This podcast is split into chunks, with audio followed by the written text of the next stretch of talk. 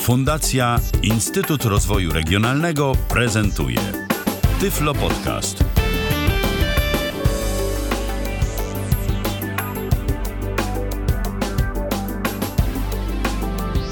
Dobry wieczór. Witam w kolejnym odcinku Tyflo Podcastu. Ala Witek z tej strony.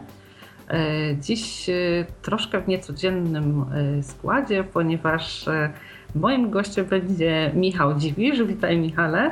E, Dzień dobry, dobry wieczór. Ja już kiedyś e, byłem twoim gościem, jak Ale dobrze pamiętam, razem, też, tak, razem, razem z z Michałem. Bożeną. E, Tak, i z Bożeną i, i z razem z- Michałem też. Tak, A- a dziś zupełnie, że tak powiem, sam i też myślę, że y, będzie to jakby mm, plusem, e, że będę mogła się skupić tylko na e, pytaniach do Ciebie kierowanych, dlatego że mm, temat, jaki zaproponujemy w dzisiejszym odcinku Tyflo Podcastu, e, to szeroko rozumiana praca e, informatyka w kontekście osób e, niewidomych.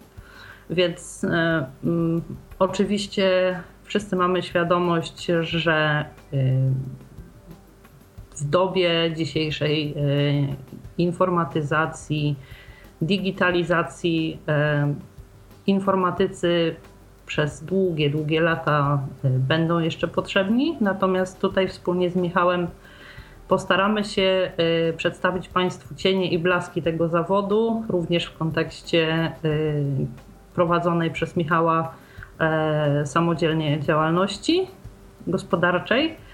E, I mam nadzieję, że mm, ten akurat podcast e, również osobom, które e, rozważają e, kształcenie czy też e, swoją przyszłą karierę e, właśnie jako e, informatycy, m, że dzisiejszy podcast rzuci trochę więcej światła e, na potencjalne e, przesłanki albo też e, jakieś e, takie kwestie, które pomogą się Państwu zorientować, że niekoniecznie akurat jest to zawód, który chcielibyście czy moglibyście w przyszłości wykonywać.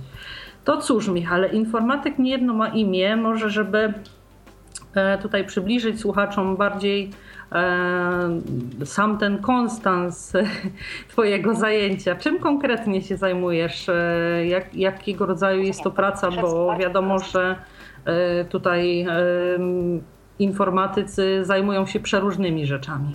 Dokładnie. Kiedyś y, panowała taka opinia y, i ona jeszcze, mam wrażenie, gdzieś tam pokutuje, że informatyk to jest y, człowiek od wszystkiego, że jeżeli ktoś zajmuje się jedną dziedziną informatyki, to zna się tak naprawdę na wszystkim, no bo on przecież pracuje z komputerami, on jest informatykiem, więc on musi znać się na wszystkim. Kiedyś to może i tak rzeczywiście było, mm, bo rzeczywiście no jakby tej technologii było mimo wszystko mniej. Teraz już nie sposób jest znać się na wszystkim yy, i nawet szczerze powiedziawszy nie próbuję znać się na wszystkim, a szczególnie kiedy już w grę wchodzi to, że zaczynamy pracować, to już jest jakby trzeba skupić się na tych rzeczach, które mm, są, którymi się zajmujemy yy, i rozszerzać swoją wiedzę w tych, yy, w tych dziedzinach. Jeżeli o mnie chodzi, to tak naprawdę mm, z tą informatyką mam związane jakby dwie rzeczy.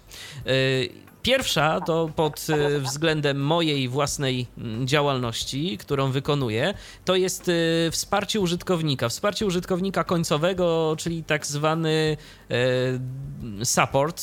To się tak ładnie mm, po angielsku nazywa ten zawód, bo teraz wiadomo, że w języku angielskim każdy zawód musi mieć swoją nazwę, chociażby nie wiadomo jaki był. To się nazywa tak ładnie Desktop Support Specialist.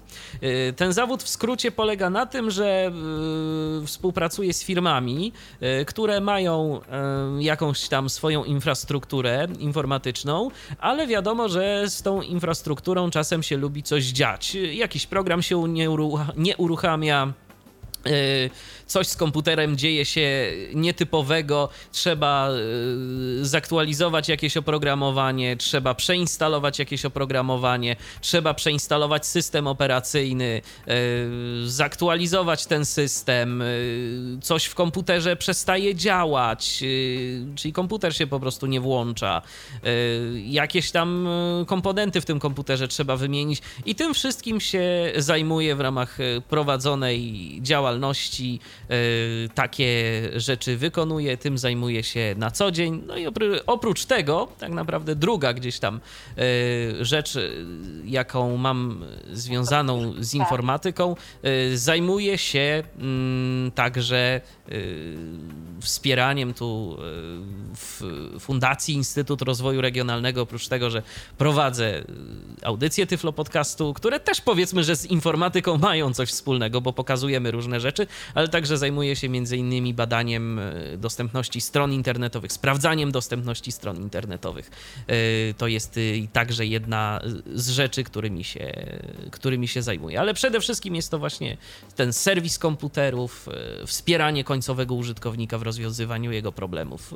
To jest to, co jest moim głównym zadaniem. Patrząc y, tutaj na ten wachlarz y, wszelkiego rodzaju takich y, zadań zawodowych, którymi się zajmujesz, jest on dosyć szeroki, bo i kwestie związane z dostępnością, i tutaj obsługa e, naszego Tyflo podcastu, i e, mm, software, i hardware, i najróżniejsze rzeczy. Chyba tylko robotyki brakuje.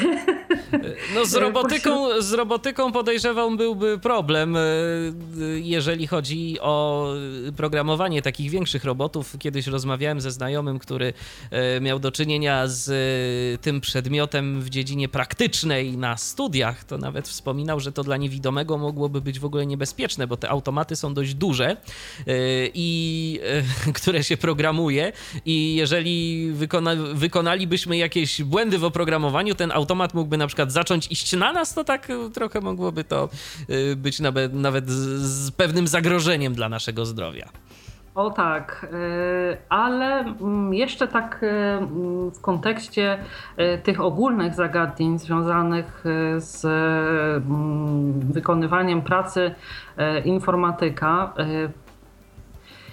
to jakie e, predyspozycje Twoim zdaniem powinien mieć e, dobry informatyk? Niezależnie już od tego, jaką gałęzią się zajmuje, bo to przecież e, jest zawód, który wymaga i bierze się nie tylko z pasji do komputerów, jednak mm, jakieś predyspozycje trzeba poza samym zainteresowaniem tutaj przejawiać.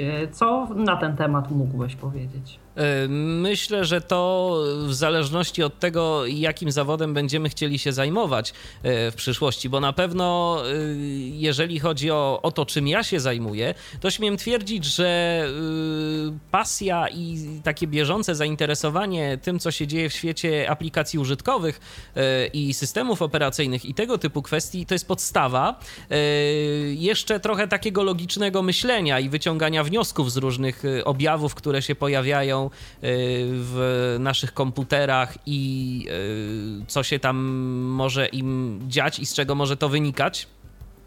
Umiejętność szukania informacji, bo powiedzmy sobie szczerze, no nikt nie jest alfą i omegą, nie wie wszystkiego, a to się zmienia naprawdę dynamicznie, więc trzeba umieć używać chociażby tak podstawowego narzędzia jak Google i yy, szukać i za jego pomocą jak najszybciej e, także odnajdywać e, problemy, e, które gdzieś tam się mm, mogą powtarzać, bo po co odkrywać koło na nowo, skoro już ktoś rozwiązał dany problem i wystarczy tylko szybko się do niego dokopać, a, na, a niekiedy to naprawdę są no, takie sytuacje, gdzie, gdzie trzeba działać szybko, nie, nie ma czasu na myślenie, domysły, tak, tak, domysły, bo no, niejednokrotnie miałem taką sytuację, że dzwoni do mnie użytkownik poddenerwowany. Może tu już nie będę cytował e, różnych dialogów, jakie, tak, tak, e, jakie tam się pojawiały, ale to jest też jedna rzecz, że trzeba przede wszystkim no, na tej płaszczyźnie, w jakiej ja się zajmuję, gdzie jest kontakt z człowiekiem drugim, trzeba umieć rozmawiać z ludźmi i trzeba także być cierpliwym. Bo, o, tak. Bo, Tutaj... no, bo, to jest, bo to jest ważne i to jest, i to jest bardzo też ważne, ja bym powiedział, bo y, podejście do użytkownika, jeżeli rozwiązujemy jego problem, też musi być odpowiednie. Y, a naprawdę znam przypadki ludzi, którzy najzwyczajniej w świecie zrażają do siebie tych, którym starają się pomóc, bo rozmawianie w ten sposób, no, no co się stało? No okej, okay, no dobra, to zaraz. No to nie jest najlepsze podejście i widać, że tej osobie gdzieś nie, zna, nie zależy, a znam takie przypadki. E, jeżeli chodzi natomiast o inne zawody informatyk, e, które może wykonywać, e, no to przede wszystkim, jeżeli na przykład chcemy być programistą, no to już tu jest zupełnie inna pula że tak powiem, umiejętności. Przede wszystkim to jest takie logiczne, algorytmiczne myślenie, umiejętność rozłożenia danego problemu na podstawowe kroki, y, które będziemy chcieli przekazać komputerowi, bo komputer to jest tak naprawdę bardzo głupia maszyna, która y, ma ten plus nad nami, że potrafi bardzo szybko liczyć. I my tej maszynie musimy powiedzieć bardzo dokładnie, co ona ma zrobić, jak ma dany problem rozwiązać w najprostszych krokach. I tu już trzeba, no tak pomyśleć, zdecydowanie lepiej. Ja, szczerze powiedziawszy, takiego nie mam y, algorytmicznego myślenia i programista ze mnie marny, aczkolwiek, y, no niekiedy trzeba sobie też czasem coś tam napisać, czy jakiś prosty skrypt, y, czy coś tego typu zrobić, żeby ułatwić sobie pracę albo zautomatyzować niektóre powtarzalne czynności. Więc y, też jakieś nawet i w dowolnym zawodzie jakieś podstawy programowania, pisania prostych skryptów y, albo i bardziej złożonych, to już zależy od tego, co robimy, też trzeba umieć i też to trzeba opanować.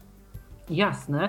Myślę, że jeśli chodzi o programistów, to y, tutaj też jest y, potrzebny pewien poziom taki, takiej abstrakcji, bo trzeba jakoś umieć przełożyć to, czego oczekujemy, żeby ostatecznie program czy komputer zrobił, na ten język, którym e, jakby mówiąc kolokwialnie, dyktujemy mu te jego kolejne zadania, prawda? Dokładnie, Więc dokładnie. Trzeba tak. się umieć poruszać jednocześnie w dwóch równoległych światach, tak? To się zgadza. Trzeba znać, trzeba znać nie dość, że język, który jest oczywiście zdecydowanie inny od języka naturalnego. Jeszcze też kwestia złożoności tego języka, bo mamy języki wysokiego poziomu, czyli to są języki stosunkowo proste, w których Y, nie musimy komputera y, prosić o wykonanie takich podstawowych y, operacji, jak na przykład wyczyszczenie jakichś obszarów pamięci, w których on coś robił, a już nie robi, posprzątanie po... On sam to tak, wie? On tak, sam to, tak, tak, to, to, to, to jest to tak skonstruowane, że on sam to, on sam o to zadba, natomiast jest to obarczone tym, że te programy często też potrafią działać wolniej na przykład niż te same programy, które napiszemy w języku nis niższego poziomu, e, tylko że no wtedy musimy pamiętać o wszystkim, o każdej najmniejszej bzdurze, e, bo komputer nic za nas nie pomyśli w żaden sposób, tylko będzie oczekiwał, że my wszystko zrobimy, ale my wtedy możemy zrobić, e, napisać program taki, który będzie wykonywał dokładnie to, czego sobie życzymy, dokładnie w taki sposób, e, jaki sobie życzymy. I to było szczególnie widoczne na starszych e, komputerach. No, teraz tworzy się coraz szybsze maszyny, coraz większe ilości pamięci operacyjnej tam są, coraz szybsze procesory, więc nie jest to już tak istotne, ale kiedyś to naprawdę naprawdę bardzo trzeba było optymalizować kod, żeby każdy takt procesora był odpowiednio wykorzystywany, bo to się realnie przekładało na szybkość działania danego programu i też na precyzję wykonywania e, poszczególnych zadań. Tak? Zgadza się, zgadza się, bo powszechnie wiadomo, jak coś jest wszystkie, do wszystkiego, to jest do niczego. No, a teraz coraz częściej składa się jakby programy z takich klocków, które niestety bywa, że i są do wszystkiego i później pojawiają się błędy, bo jeżeli jeden klocek gdzieś tam nie zagra tak, jakbyśmy sobie tego mogli życzyć, no to zna, zaczyna się tak zwany proces debugowania, czyli szukania. Przenoszenia tak, błędu. Tak? Szukania igły w stogu siana. Dlaczego to nie działa? No i się potem okazuje, że dany komponent, no tylko i wyłącznie w tym momencie, w takiej sytuacji yy, zachowuje się niewłaściwie. Tylko trzeba to później znaleźć. To jest dość żmudne. Tak, e, myślę, że czasami szukanie takiego błędu może przekraczać e, czas, jaki trzeba by było poświęcić korzystając z tego języka programowania niższego poziomu e, i dyktując mu kolejno wszystkie, Oj, wszystkie czynności. Czasem współpracując z różnymi programistami mam niestety też takie wrażenie, że łatwiej by było pewne rzeczy napisać od początku niż męczyć się z tym, co już mamy do, do dyspozycji. E, ja też e, wracając do tego, co mówiłeś wcześniej, jakby tutaj w zupełności się zgadzam z tym, że jedną z największych cnót dobrego informatyka jest cierpliwość. E, dlatego, że na ogół widzę takie sytuacje, że rozmawiam z informatykiem, mówię, że coś tam nie działa. Informatyk mi, a nie, to, to drobiazg, to chwileczka. Zasiada, Mija pół godziny, mija godzinka, mija druga godzinka. Ja już po prostu dostaję wewnętrznych drgawek tylko patrząc i czekając na te efekty, a informatyk sobie tam skubie, dłubie i po prostu z niezmąconym spokojem e, gdzieś tam, jakby w ogóle czas nie płynął, e, cierpliwie i konsekwentnie e, po kolei wykonuje wszystkie testy, wszystkie zadania, które trzeba e, zrobić, żeby przywrócić komputer czy program do, do stanu e, takiego prawidłowego, tak? Oczywiście, no bo y, komputer jest tylko i wyłącznie maszyną. On nie działa zawsze z jakichś powodów. To nie jest tak, że on jest złośliwy wobec nas. To, to, to trzeba sobie od razu powiedzieć. Tu bym dyskutowała. Nie, komputer nie jest złośliwy. Komputer wykonuje pewne operacje w taki sposób, w jaki no, został zaprogramowany, albo jeżeli jakieś czynniki zewnętrzne mają na to wpływ. Bo na przykład może się zdarzyć, że komputer źle wykonuje dane operacje, ale to jest spowodowane czymś, tylko niekiedy bardzo ciężko jest dojść, co to jest, bo to może być yy, chociażby, nie wiem, jak mamy jakieś zwierzątko w domu, to w laptopie mogło się dużo sierści nagromadzić i procesor może być y, y, zbyt słabo chłodzony i to może być przyczyna na przykład, dla którego komputer zaczyna działać źle. Y, mogło się zdarzyć tak, że mamy jakieś złośliwe oprogramowanie w komputerze, które nam coś miesza. I to też może być przyczyna, dla której ten komputer działa źle. Ale komputer sam z siebie, jeżeli oprogramowanie jest dobrze napisane jeżeli to nie jest jakieś egzotyczne coś, no to to wszystko musi działać dobrze. Tylko największym problemem jest właśnie wykrycie tej usterki. I to trwa. To tak, to, to, to, tutaj się zgadzam, e, że rzeczywiście czasami trwa, ale generalnie najważniejsze jest to, że w ostatecznym rozrachunku e, najczęściej wraca wszystko do, e, że tak powiem, tego właściwego stanu. Cóż, rozmawiamy dzisiaj o zawodzie informatyka również, a może i przede wszystkim w kontekście osób niewidomych. E, czy uważasz, że mm, to jest odpowiednia profesja dla osoby niewidomej, czy też e, zależy to od e, jakichś poszczególnych czynników, typu jakieś cechy osobnicze, co też jakby powinniśmy przedsięwziąć w kwestii planów dotyczących edukacji, przyszłej kariery, jako osoby niewidome, na co powinniśmy szczególną uwagę zwrócić, jeśli właśnie w kierunku tego zawodu chcemy pójść? Ja myślę, że przede wszystkim y, trzeba się interesować y, komputerami, jak najwięcej y, o nich wiedzieć, bo już nawet na etapie studiów mm, trzeba liczyć się z tym, to jeszcze zależy, gdzie będziemy studiować, ale jeżeli trafi nam się taka uczelnia, w której no, nie mają zbyt wielkiego doświadczenia odnośnie tego, jak z osobami niewidomymi pracować, no to będziemy w dużej mierze zdani na siebie. Oprócz tego, że będziemy musieli rozwiązać problem, jaki da nam na przykład wykładowca, to jeszcze będziemy mm, musieli rozwiązać ten problem, jeżeli dane oprogramowanie nie będzie chciało nam e, współpracować z naszą technologią asystującą. E, a czy zawód jest e, dla osoby niewidomej odpowiednim? Ja myślę, że tak nie wiem, na ile będą to odpowiednie różne zawody. Ja myślę, że to jest bardzo indywidualna kwestia, bo szczerze powiedziawszy, tak się mówi powszechnie o tym, że mm, niewidomi programiści, e, że programista to jest zawód dla y, osoby niewidomej. Ja powiem szczerze, znam kilka osób, które zajmują się programowaniem, tylko na chwilę obecną y, nie słyszałem o kimś, kto programowałby coś, dla, y, na takim szerszym rynku. Zwykle te osoby znajdują zatrudnienie y, w firmach, które mm, tworzą oprogramowanie dla osób niewidomych, a powiedzmy sobie szczerze, no tych firm jest skończona ilość y, i nie wiem, czy kiedyś ten rynek się nie nasyci, tym bardziej, że teraz no, coraz bardziej jest krucho z dotacjami różnego rodzaju, więc też może być, więc też może być problem.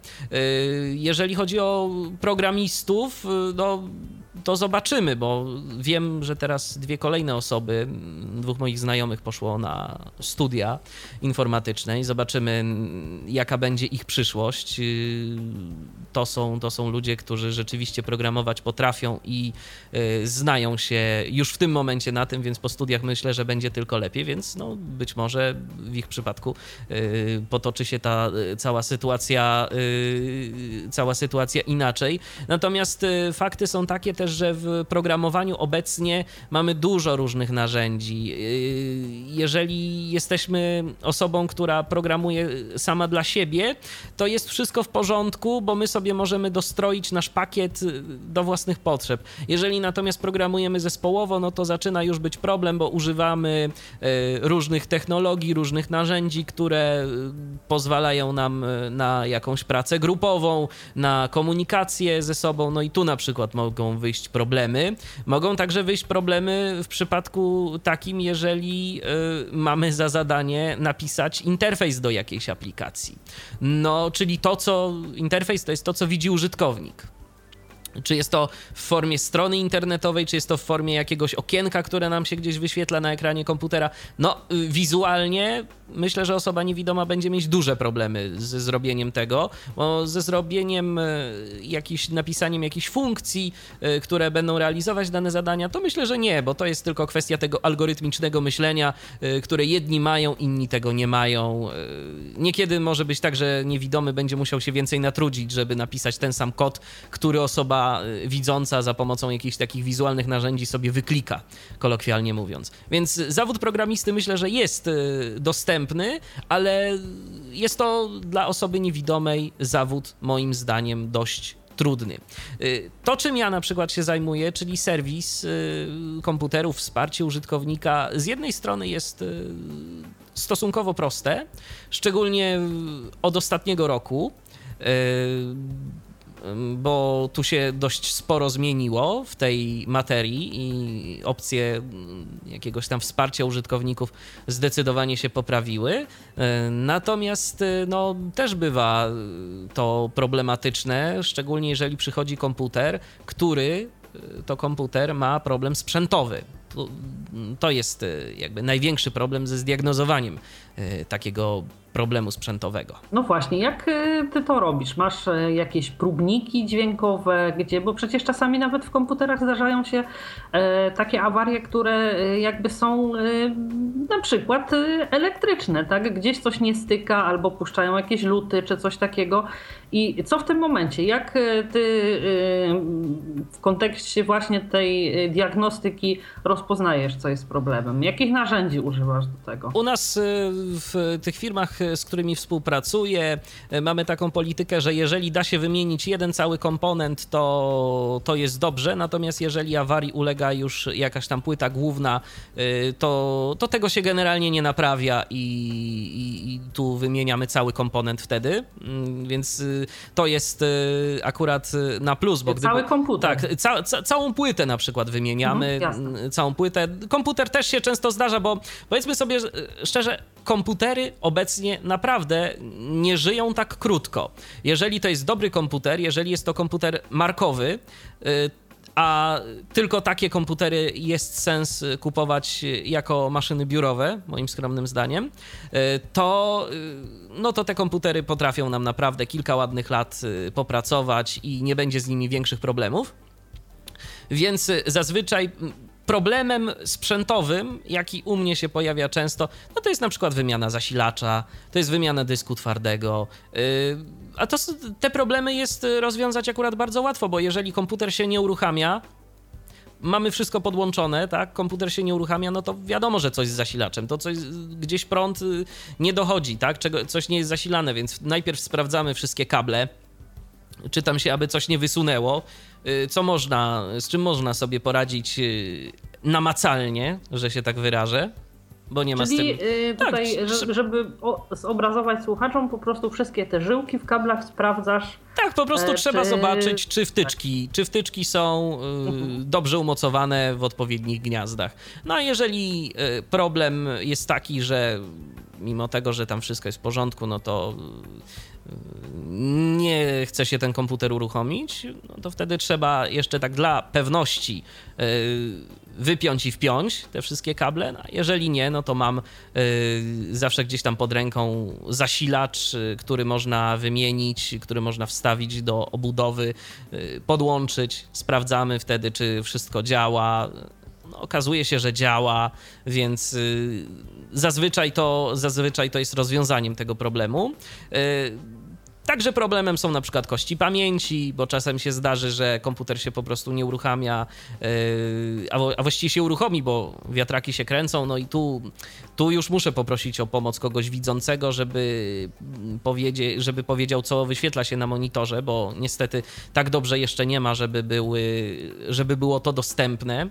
Yy, niekiedy jest tak, że wystarczy nawet poprosić yy, kogoś przez telefon, żeby powiedział, co się wyświetla na monitorze jak wyglądają komunikaty, bo jest taki program, który nazywa się MemTest. Um, uruchamia się go z płyty na przykład. No i on sobie tam popracuje, popracuje, popracuje. Jego zadaniem jest jakby zapisanie i odczytanie z każdej komórki pamięci jakiejś informacji.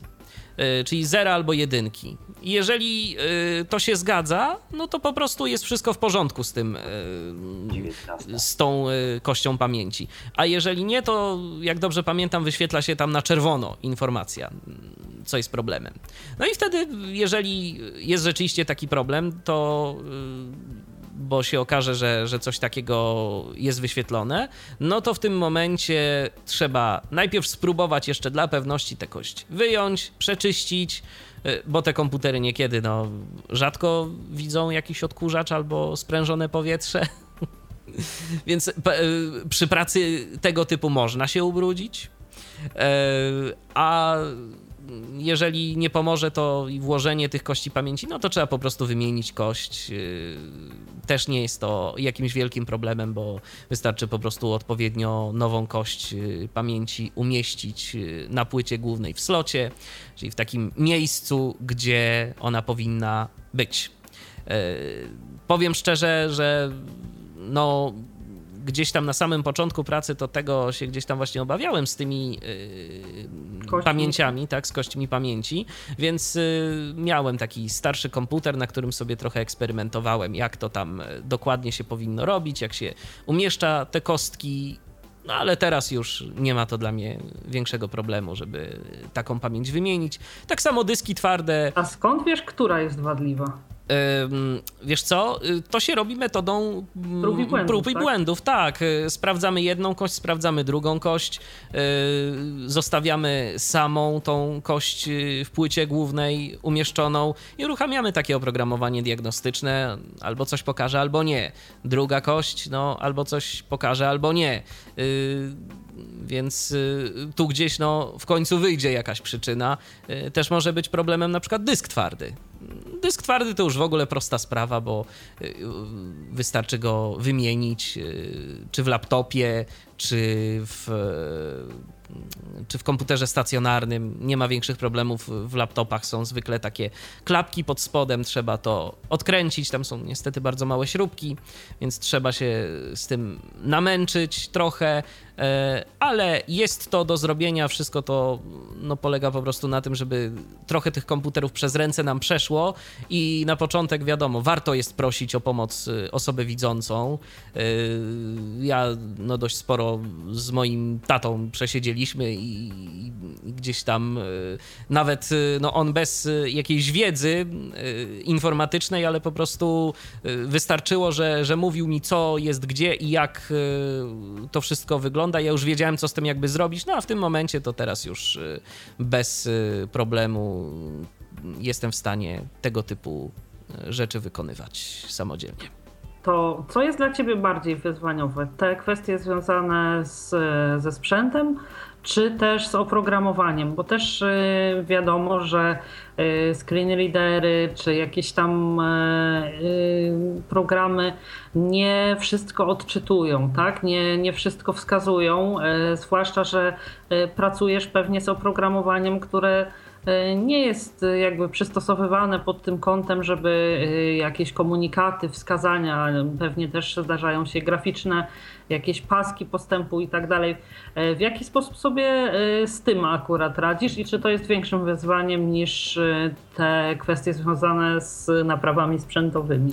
Na całe szczęście tego typu oprogramowanie, z jakim ja mam zazwyczaj do czynienia, to jest oprogramowanie, które dość często się powtarza, więc jest tego jakiś konkretny zestaw. Największym wyzwaniem to są sterowniki do drukarek różnego rodzaju, które czasem trzeba zainstalować, bo one rzeczywiście wyglądają w różny sposób. Yy, często mamy do czynienia z jakimś interfejsem graficznym więc y, tu może być problem, ale nie spotkałem się jeszcze z taką drukarką, y, czy skanerem, bo teraz jest moda na takie urządzenia wielofunkcyjne. Tak, nie spotkałem się jeszcze z takim oprogramowaniem, z którym rzeczywiście miałbym problem, żeby, żeby w ogóle nic się z tym nie dało zrobić. Yy, to jest tak, że no może czasem trwa to chwilkę dłużej, jakieś takie pierwsze zapoznanie się yy, z daną drukarką czy z danym yy, skanerem, ale nie jest to w większości przypadków jakiś wybitny problem. Można to wszystko zainstalować. Także jakieś oprogramowania na przykład do wirtualnych sieci prywatnych, bo na przykład przykład y, pracownicy, y, niektórzy mają komputery przenośne i łączymy to z serwerami y, w centrali firmy za pomocą takich bezpiecznych połączeń, więc to oprogramowanie też pamiętam, miałem z tym nie lada problem na samym początku, bo tam były dwa pola, y, które jeden, y, jedno było do wprowadzenia mm, adresu mailowego, drugie było do wprowadzenia numeru seryjnego, tylko że ten numer seryjny na ekranie programu, y, z którego się go i trzeba go było sczytać obowiązkowo przed, przed y, odinstalowaniem i przeinstalowaniem systemu, bo jeżeli się go nie sczytało, to y, traciliśmy ten numer i trzeba było dość tam się mocno tłumaczyć u producenta, y, żeby nam ten numer z powrotem przysłał, więc trzeba było sobie ten numer, numer sczytać, a problem był taki, że wprowadzało się go w oknie programu w trochę innej formie. Już teraz dokładnie nie pamiętam, bo ja to nawet już robię tak mechanicznie, ale zdaje zdaje się, że w oknie programu to było tak, że ten numer był w sensie jakieś tam cyferki, spacja minus spacja jakieś kolejne cyferki, a program oczekiwał ode mnie tego, żebym ja wprowadził w ten numer seryjny w formie y, jakieś cyferki minus jakieś cyferki y, w pole, które nie było opisane y, i musiałem pamiętać, że jest to pole numer dwa, bo pierwsze pole to jest do wprowadzenia adresu mailowego użytkownika, na który był zamawiany ten program. No tak, i właściwie przez dwie spacje generalnie mógłbyś wpisywać w nieskończoność. Dokładnie, i dokładnie. Za każdym razem komunikowałby ci błąd. Dokładnie. No i jak tak. za którymś razem nie chciał mi przyjąć tego numeru, no to w końcu tak się zastanowiłem i myślę sobie, kurczę, no to może te spacje wykasuję i teraz, i teraz sprawdzimy. Albo to pole jest do wprowadzenia tego maila, albo to pole jest do wprowadzenia tego maila. Za drugim razem się udało i zadziałało. No Więc tak, no cierpliwości i, trzeba. Tak, właśnie, nie, nie bez kozery mówiłam tutaj e, o, tej, o tej cierpliwości, a e, powiedz mi, e, Michale, mm, jeśli przyglądasz się e, pracy e, informatyków e, takich powiedzmy z dobrym wzrokiem, tak?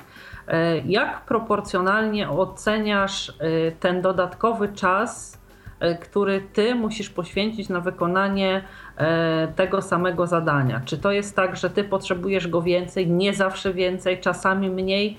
E, czy to zależy od sytuacji, czy po prostu jednak generalnie jest tak, że oni zrobią to szybciej, ponieważ właśnie nie muszą się jakby borykać z jakimiś elementami graficznymi, z jakimiś nieopisanymi polami, z polami bez wzoru do wpisywania itd., tak itd. Tak to wszystko zależy od tego, jaka to jest sytuacja, bo jeżeli jest to sytuacja nowa, no to na pewno zrobię to wolniej bo rzeczywiście ja oprócz tego, że rozwiązując dany problem, muszę jeszcze mieć jakiś pomysł na rozwiązanie swoich problemów wynikających z obsługi programu odczytu ekranu, ale później, jeżeli problem się powtarza, a powiedzmy sobie szczerze, jakieś 90% problemów, które mają użytkownicy, to są problemy powtarzalne. To są problemy typu, no, coś mi nie chce wydrukować, program się zaciął, tu się coś nie uruchamia, tu mi się jakieś rysunki nie wyświetlają i tak dalej, i tak dalej. No to już są rzeczy, które po prostu robi się tak naprawdę z automatu. Ktoś mówi, a yy, mam problem taki, to ja już y, na 95% wiem, y, jaki to będzie problem i jak go mogę rozwiązać, y, w jaki sposób to zrobić szybko. I myślę, że tu nie ma już w tym momencie różnicy, ale ten punkt wejścia i, ta, i ten czas potrzebny na rozgryzienie danego problemu, no to w przypadku braku wzroku będzie na pewno dłuższy.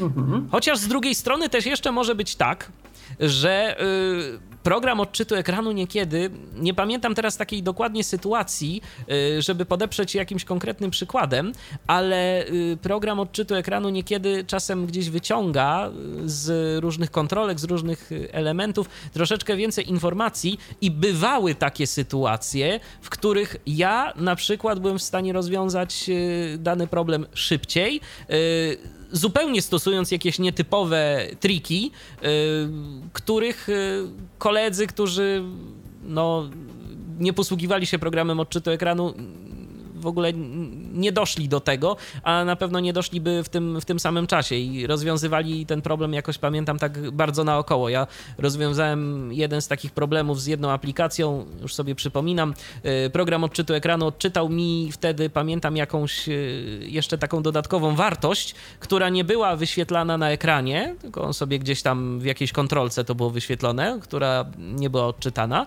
y, która nie była wyświetlona, była odczytana i ja sobie poszukałem wtedy wtedy w internecie, że no jeżeli problem dotyczy tego, jeżeli gdzieś tam w jakimś logu coś takiego się wyświetla, to trzeba wprowadzić odpowiedni klucz do rejestru. No więc wprowadziłem ten klucz i problem został rozwiązany, a pamiętam, że tam kolega, który też miał taki problem niejednokrotnie, to się borykał z tym chwilę dłuższą. Później powiedziałem, jak to zrobić, to się mocno zdziwił. Skąd, skąd ja wpadłem na ten pomysł? A, no tak, czyli e, dobra pamięć też i e, jakiś taki e, zmysł obserwacyjny też tutaj przychodzi trzeba, ci trzeba. z pomocą, gdzie mm, i oczywiście też nauka, zdolność do nauczenia się pewnych schematów, bo to zdecydowanie ułatwia. Może nie to, że automatyzuje pewne czynności, ale jednak poznając określone schematy działania w konkretnych sytuacjach, zdecydowanie zyskujesz na czasie. Oczywiście, że tak tak. No i jeszcze jedna rzecz, język angielski. Trzeba znać przynajmniej w takim stopniu, żeby być w stanie czytać dokumentację. To jest y, oczywiste, ale trzeba to podkreślić. Język angielski trzeba znać, bo y, dużo informacji, y, które są potrzebne, dostępne są tylko i wyłącznie w języku angielskim. A mm, to w takim razie wrócimy na chwilkę do tego wątku związanego z edukacją. E, czy ty w trakcie swoich studiów informatycznych, albo też od e, informatyków, z którymi rozmawiałeś na ten temat, e, możesz tutaj jakby przedstawić słuchaczom taki, taką opinię, czy mm, ten język angielski, który jest jakoś tam uczony w, w trakcie studiów, jest e, wystarczający, e, czy on jest jakoś ukierunkowany pod kątem właśnie odczytywania tych dokumentacji, prawidłowego interpretowania pojawiających się komunikatów itd., tak itd., tak czy jednak jakąś dodatkową pracę związaną z nabyciem doświadczenia, poszerzenia w tym zakresie swoich kompetencji językowych student musi wykonać sam. Nie no, Alu, y, język angielski to już na etapie szkoły średniej myślę, że wszyscy mamy na tyle y, obycie z tym językiem, że już y, w tym momencie jesteśmy w stanie spokojnie korzystać z różnego rodzaju źródeł. To już nie są chyba te czasy, gdzie w szkole, na studiach wyższych jeszcze musimy się akurat z angielskiego douczać, bo tu już każdy myślę, nie, że ten język wiesz powinien co, mi znać. bardziej chodziło o ten taki sprofilowany, bo jednak w szkole średniej nie uczy nikt na lekcjach języka angielskiego takich e, powiedzmy typowo fachowych e, sformułowań, tak? które przecież w takiej dokumentacji są, więc e, myślałam, że może te lektoraty, które mamy, macie jako informatycy, ty miałeś czy mają informatycy w trakcie studiów, one jakoś jakby profilują ten obszar kompetencji językowych właśnie pod kątem znajomości tej mowy fachowej. Tak? Mi jest ciężko się do tego odnieść, dlatego że y, no, mi te lekcje na studiach y, języka angielskiego zbyt wiele nie dały, natomiast y, nie było takiej potrzeby, bo ja właśnie ten język, którym pisana jest jakaś dokumentacja techniczna, to ja już znałem. Ja nie mam, ja nie miałem już wtedy, zaczynając te studia, problemów z takim angielskim, bo powiem szczerze, to jest tak naprawdę język angielski taki, który ja znam najlepiej. Mi się najwygodniej i najswobodniej rozmawia, czy gdzieś pisze w języku angielskim tylko i wyłącznie o komputerach. U mnie gorzej jest z całą resztą, bo przede wszystkim to, co czytam, to dotyczy właśnie komputerów, dotyczy jakichś technologii. E, no powiedzmy Szekspira w języku angielskim to bym się obawiał nawet zacząć czytać, bo pewnie nic bym z tego nie zrozumiał, ale jakiś tam podręcznik użytkownika dla danej aplikacji czy dla danego narzędzia bez większego problemu. Tym bardziej, że te podręczniki nie są znowu pisane aż tak bardzo skomplikowanym językiem. Jasne. E, to przez chwilę jeszcze e, porozmawiamy o tych e, kwestiach związanych z wykonywaniem pracy przez, przez Ciebie, ogólnie o perspektywach wykonywania pracy informatyka przez osoby niewidome. Tak tylko nasunęła mi się dygresja w kontekście tego języka. Chciałabym Cię zapytać, kontynuując niejako o te profile takie, bo już mówiliśmy, że mm, oczywiście kontekst programowania jest dostępny, ale jest trudny dla niewidomych informatyków. Natomiast chciałabym Cię zapytać jeszcze o takie aspekty, jak na przykład mm, administratorzy i budowniczowie sieci, tudzież mm, konstruktorzy serwisów internetowych osoby zajmujące się tutaj będziesz mógł pewnie z swojego szerokiego mm, doświadczenia skorzystać badaniem serwisów internetowych pod kątem ich dostępności. E, jak tutaj e, oceniasz te profile e, w ramach możliwości podjęcia pracy przez osobę niewidomą? Administrator serwera to myślę, że jest zawód, z którym nie powinna osoba niewidoma mieć większych problemów, szczególnie jeżeli zna środowisko tekstowe, zna systemy typu Linux i podobne, czy jakieś FreeBSD na przykład. Także no, jeżeli zna system Windows, bo także i w tym e, środowisku są serwery. Ja sam e, mam e, gdzieś tam między innymi pod swoją opieką mm, kilka serwerów z systemem Windows i to jest także gdzieś tam wsparcie użytkowników, którzy mają problem na tych serwerach. Więc tu nie ma wielkiego problemu. Z zarządzaniem tym. Jeżeli chodzi o budowanie sieci, mm, problem jest podstawowy, a nazywa się projektowanie. E, projektowanie sieci. Każda sieć, jeżeli ją budujemy, musi być poprzedzona jakimś projektem. Ten projekt się zazwyczaj rysuje. E, są specjalne programy do projektowania tych sieci, to się tworzy takie mapki, e, za pomocą których możemy sobie gdzieś tam rozrysować, jak te kable będą biegły i tak dalej, i tak dalej. Więc, no ale to jest, to, to, to jest rzecz, z którą osoba niewidoma może mieć problem. Natomiast natomiast samym już gdzieś tam zarządzaniem siecią jako taką, zarządzaniem urządzeniami sieciowymi, szczególnie jeżeli jeszcze do pomocy będziemy mieć jakiegoś technika, który na przykład będzie w stanie poradzić sobie z takimi rzeczami jak zarabianie kabli chociażby, bo to też jest dla osoby niewidomej gdzieś tam powiedzmy problem, bo to trzeba odpowiednio kolorami celować, odpowiednio te kolory muszą być ułożone, dopasowane, tak, dopasowane, do drugiego, tak, jeden do drugiego, tak, i to trzeba jeszcze później użyć takiej zaciskarki specjalnej, żeby to wszystko w tej wtyczce zostało umocowane, więc tu może być problem, także może być problem z diagnozowaniem usterek, bo szczerze mówiąc, no nie znam żadnych takich mierników, być może są, ale ja się akurat nie zajmuję diagnozowaniem właśnie takich usterek, więc być może jakieś są takie udźwiękowione, które by nam badały, że jeżeli na przykład dana, dany segment sieci powiedzmy nie ma dostępu do tej sieci, więc sobie badamy, tak, czy na tym odcinku kabla jest połączenie fizyczne, czy nie ma. Więc z tym osoba niewidoma może mieć problem, ale z zarządzaniem siecią jako taką, przydzielaniem y, jakichś uprawnień użytkownikom, y, udostępnianiem pewnych rzeczy, konfigurowaniem różnych usług y, sieciowych, jeżeli są to usługi raczej takie standardowe, to nie powinno być problemów. I tu myślę, że spokojnie osoba niewidoma jest sobie w stanie z tym poradzić. Problemy pojawiają się w momencie, gdy jest to sieć rozbudowana i gdy mamy do czynienia z różnego rodzaju oprogramowaniem firm trzecich i jest to oprogramowanie na przykład do, mo do monitorowania. Ja y, subskrybuję taką y, grupę dyskusyjną, która nazywa się Blind Sys Admins i to jest anglojęzyczna y, grupa dyskusyjna, właściwie lista dyskusyjna, na której właśnie niewidomi administratorzy systemów i, i podobne osoby wymieniają się różnego rodzaju doświadczeniami. I problemem ostatnim, jaki zauważyłem i o jakim e, toczy się dość szeroka dyskusja, są mm, aplikacje do monitorowania stanu sieci i stanu usług.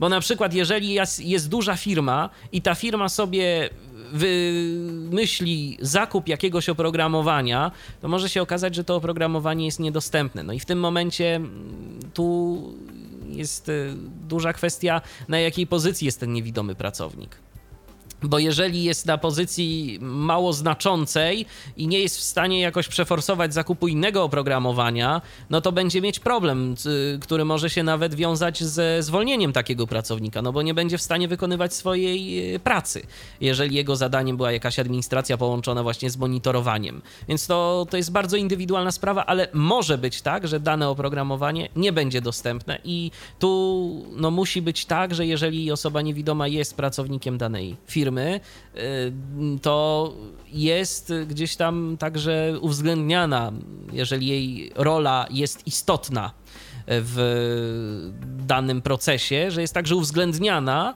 w procesie decyzyjnym, czy pójść w stronę danego, czy innego oprogramowania.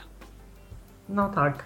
Myślę, że tutaj dialog jest ważny. Zresztą niezależnie od stanowiska z pracodawcą, dialog jest ważny, ale tutaj w sytuacji, którą nakreśliłeś, zwłaszcza ja tutaj, e, ponieważ będziemy powolutku e, zmierzać do końca naszego podcastu, ale jeszcze chwilę tutaj porozmawiamy, chciałabym przypomnieć Państwu, że jeśli ktoś z naszych słuchaczy jest zainteresowany E, tutaj jakby bardziej e, szczegółowymi pytaniami odnośnie wykonywanego przez Michała zawodu albo e, jakimiś okolicznościami, że się tak wyrażę, towarzyszącymi jego pracy i chcieliby Państwo zadać pytania, a może ktoś z informatyków pracujących będzie chciał się podzielić swoją refleksją, to jeszcze przez chwilę można to zrobić. Oczywiście na dwa sposoby, jak zwykle. Po pierwsze poprzez komunikator Skype na tyflopodcast.net, a także pod stacjonarnym numerem telefonu 123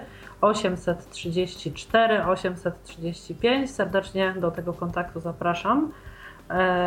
Tutaj, e, Michale, chciałabym Cię mm, zapytać jeszcze, e, bo być może ja tutaj w tych, e, o które pytałam Ciebie, administrowanie sieciami, budowę sieci, programowanie, rozmawialiśmy też o automatach, o mm, jakby mm, naprawie naprawach sprzętowych, e, usuwaniu usterek, które gdzieś tam w programach się pojawiają. Czy są jeszcze jakieś gałęzie takie, w których, co do których mógłbyś się wypowiedzieć, czy tutaj byłyby one w zasięgu pracownika niewidomego, będącego informatykiem, czy też takie ewentualnie, które byś odradzał? To znaczy, ja może zanim przejdę do tego, to jeszcze powiem kilka słów na temat mm, tej swojej pracy i na temat tego, o czym już zacząłem mówić, mianowicie tak? jak y, bardzo, mm, jak bardzo to się poprawiło, y, ale jeszcze no. najpierw zobaczę, bo Mateusz do nas napisał y, z jakimś pytaniem. Witam, mam pytanie, jak, jak wygląda zarządzanie jakimiś infoliniami i centralami teleinformatycznymi. Mateuszu, z tego co wiem, bo szczerze mówiąc nie mam e, pod swoją kontrolą e, tego typu mm, narzędzi i tego typu urządzeń. Akurat ja się tym nie zajmuję, ale niektóre są zarządzane po prostu przez internet e, za pomocą różnego rodzaju przeglądarek, interfejsów sieciowych. To te nowsze, a te starsze też były programowane przez terminale, przez port szeregowy, przez RS-232. Tam odpowiednio się to wszystko ustawiało. Oczywiście mowa o centralach y, elektronicznych, bo pewnie jeszcze niektóre firmy być może dysponują jakimiś analogowymi centralami, ale na tym nie znam się już kompletnie, bo to już zdecydowanie nie moje czasy, ale z tego co wiem, to, to właśnie tak to wygląda, więc yy, tyle jestem ci w stanie powiedzieć. Nie jestem w stanie ci niestety powiedzieć, yy, jak to wygląda od takiej dostępnościowej strony, ale wiem, że na przykład jest oprogramowanie, dzięki któremu można zarządzać, y, można tworzyć y, centralki w oparciu o komputer, to jest Asterix, czy Asterisk, Asterisk.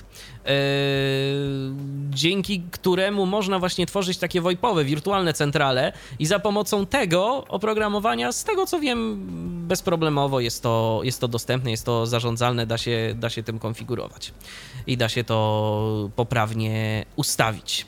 Natomiast... Bardzo dziękujemy za pytanie, panie Mateuszu. Natomiast y, co ja mogę powiedzieć a propos y, tego, w czym u mnie się ostatnio to polepszyło y, i jak się w ogóle zmieniło wsparcie użytkowników.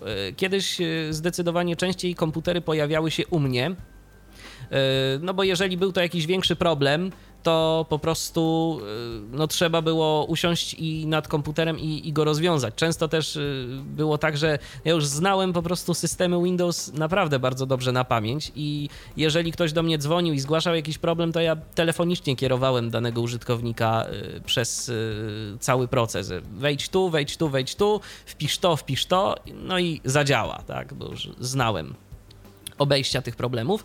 Natomiast e, dzięki rozwiązaniu, które się pojawiło w tym roku, na początku tego roku, czyli NVDA Remote, dodat, e, czyli jest to dodatek do programu NVDA, no w tym momencie zdecydowanie poprawiła się jakość e, pracy osób niewidomych na właśnie tego typu stanowiskach, bo możemy sobie mm, skonfigurować taką mm, specjalną wersję NVDA.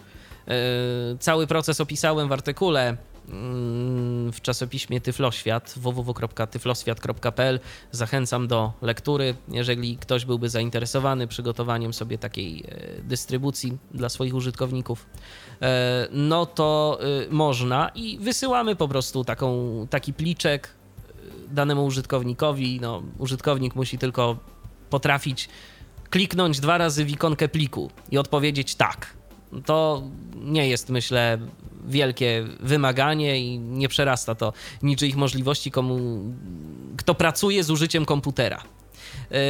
I w tym momencie ja już się po prostu łączę do takiego użytkownika, do komputera takiego użytkownika, jestem w stanie wykonać tam większość czynności. Jeżeli ma jakiś problem, to już y, teraz coraz rzadziej y, komputery przysyłane są do mnie.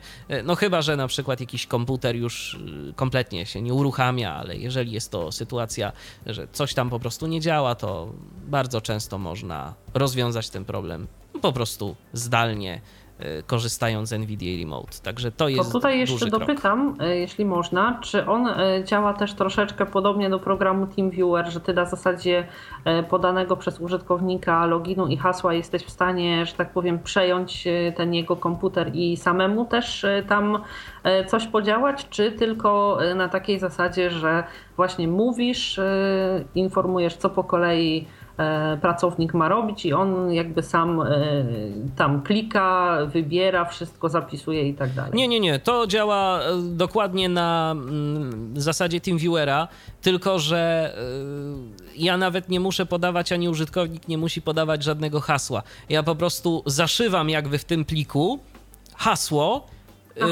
na które łączy się użytkownik do mnie. Ja w tym momencie ja znam to hasło, ono mi się wyświetli jeszcze nawet na konsoli.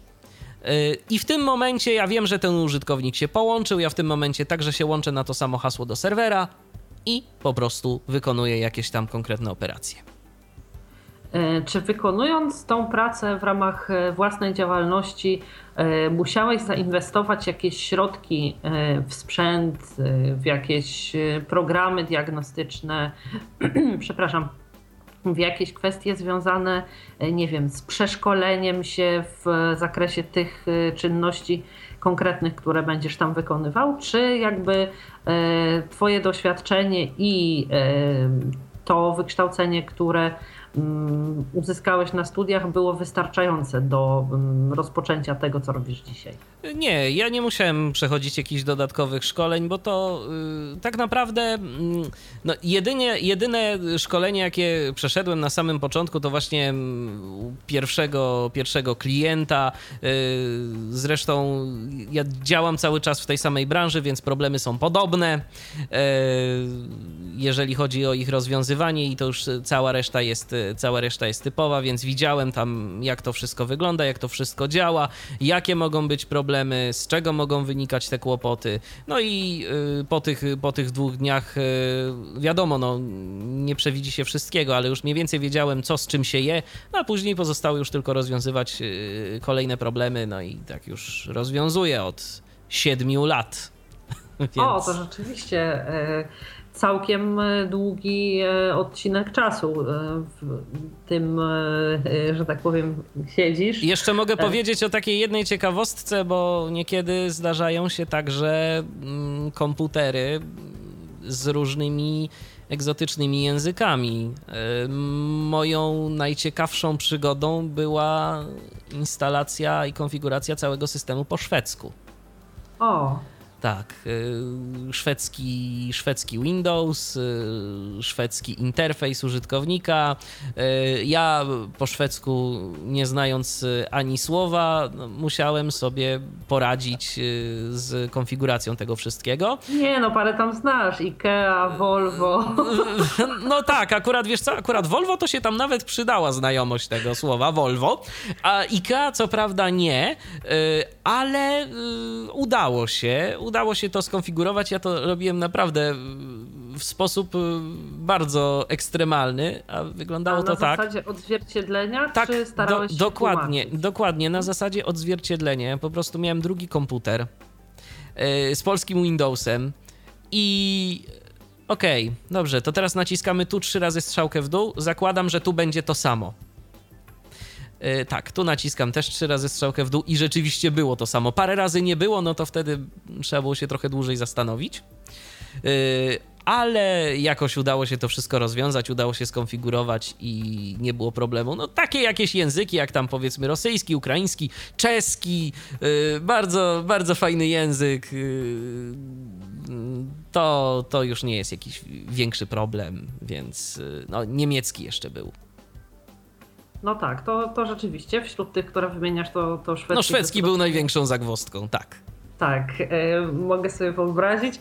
E, natomiast e, wiesz, tak naprawdę to liczy się sam pomysł, prawda? Bo na to, żeby właśnie odzwierciedlić i też zaryzykować, bo do tego też trzeba odwagi, że nie myślałeś w trakcie tego odzwierciedlania właśnie, że e, klikając na zasadzie tego przenoszenia, e, zabrniesz tak daleko, że w pewnym momencie się okaże, że wiesz, zaszedłeś gdzieś w jakąś taką ślepą uliczkę i albo to odzwierciedlenie się nie sprawdziło, albo na przykład już gdzieś przeszedłeś dawno ten moment, gdzie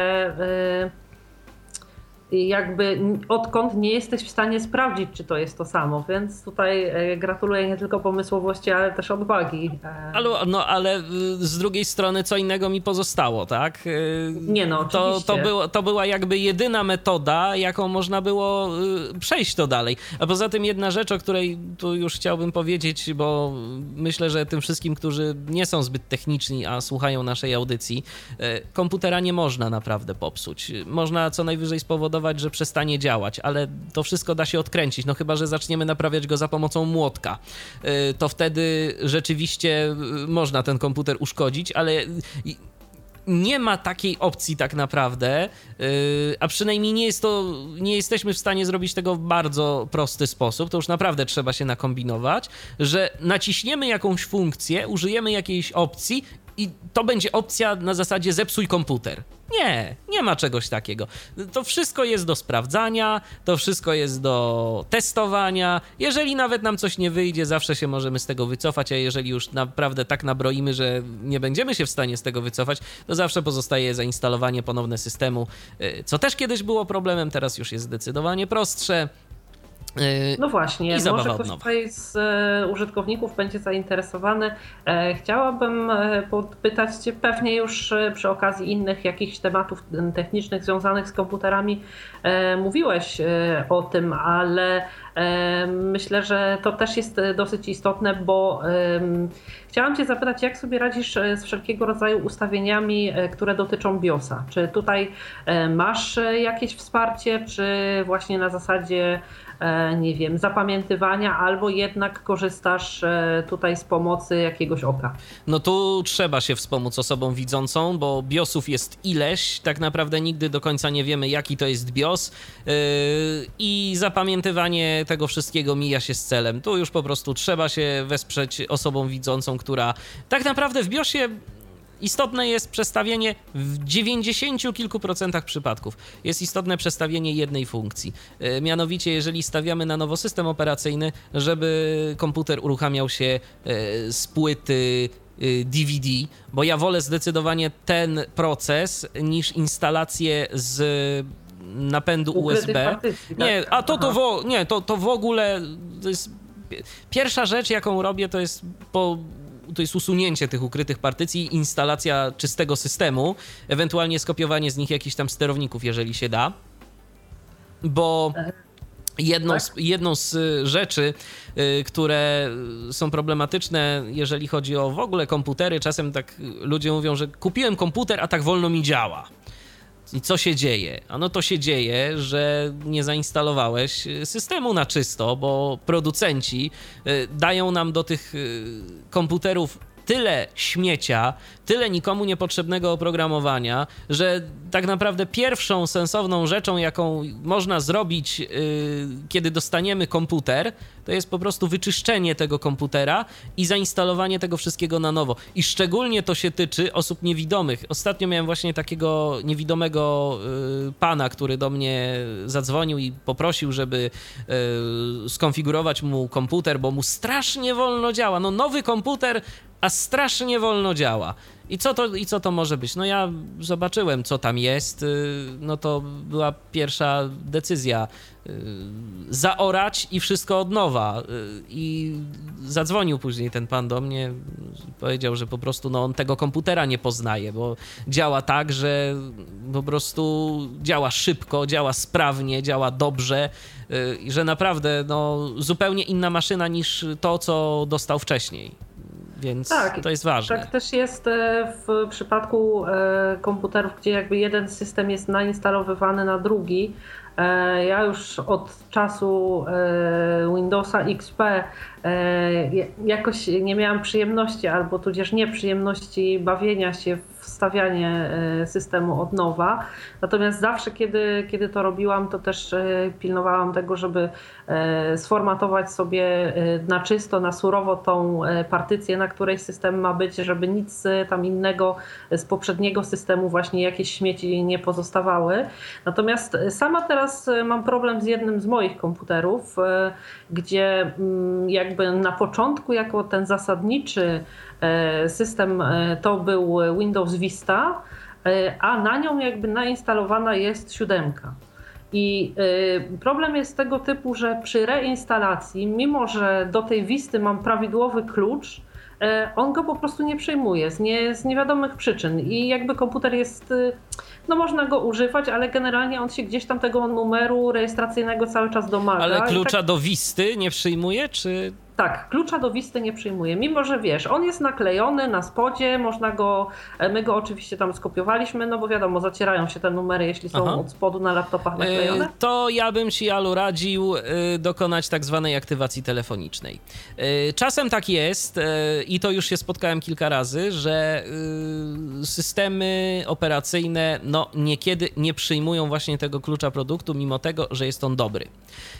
W takiej sytuacji po prostu trzeba zrobić aktywację telefoniczną telefoniczną, ona, no, szczególnie dla użytkowników telefonów z ekranem dotykowym, to jest yy, zabawna trochę, ale ja już sobie z tym radzę bez problemu, bo tam trzeba te cyferki dość szybko podawać, ale pierwsze jakieś dwa albo trzy podejścia, no, były takie yy, nieudane, ale teraz już nie mam, z tym, nie mam z tym problemów i jestem w stanie dokonać takiej aktywacji z użyciem iPhone'a i wpisać na tyle sprawnie i szybko te cyferki e, w takiej kolejności, w jakiej on tam sobie ode mnie ich życzy.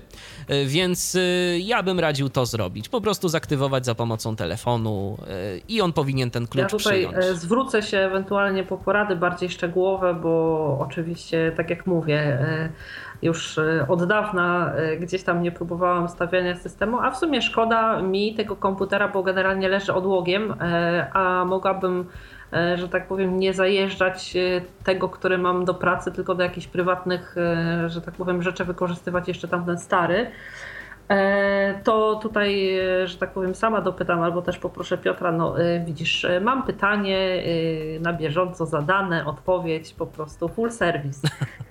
E, chciałabym, Michale, przez chwilę porozmawiać z Tobą jeszcze w kontekście tych rodzajów wykonywanych prac. E, co myślisz o mm, badaniach serwisów internetowych? Czy tutaj e, są potrzebne osobie niewidomej narzędzia? Czy jest w pełni w stanie jakoś tam zwalidować ten serwis sama? Czy Mm, jednak e, mm, jest potrzebne też jakieś wsparcie do oceny tych elementów graficznych, czy mm, przy y, wykorzystaniu programów takich, które oceniają skontrastowanie, jednolitość czcionek itd., tak itd., tak e, może osoba niewidoma całkowicie taki serwisik sobie zbadać? E, ja myślę, że osoba niewidoma jest w stanie bardzo dobrze zbadać pewne aspekty działania tego serwisu, ale osoba niewidoma nie powinna być jedyną osobą, która y, jest odpowiedzialna za badanie dostępności danego serwisu internetowego. Bo wytyczne WCAG dotyczą różnych aspektów dostępności i strona dostępna to nie jest tylko i wyłącznie strona, z której jest w stanie skorzystać osoba niewidoma. Może być tak, że na przykład y, jakieś rzeczy będą dostępne dla osoby niewidomej, a na przykład dla osoby niesłyszącej y, nie będą dostępne. Albo nawet może być jeszcze ciekawsza sytuacja, że osoba niewidoma nie będzie miała świadomości, że występuje na tej stronie coś jest, jeszcze, co jest dla niej niedostępne, a co dostępne być powinno.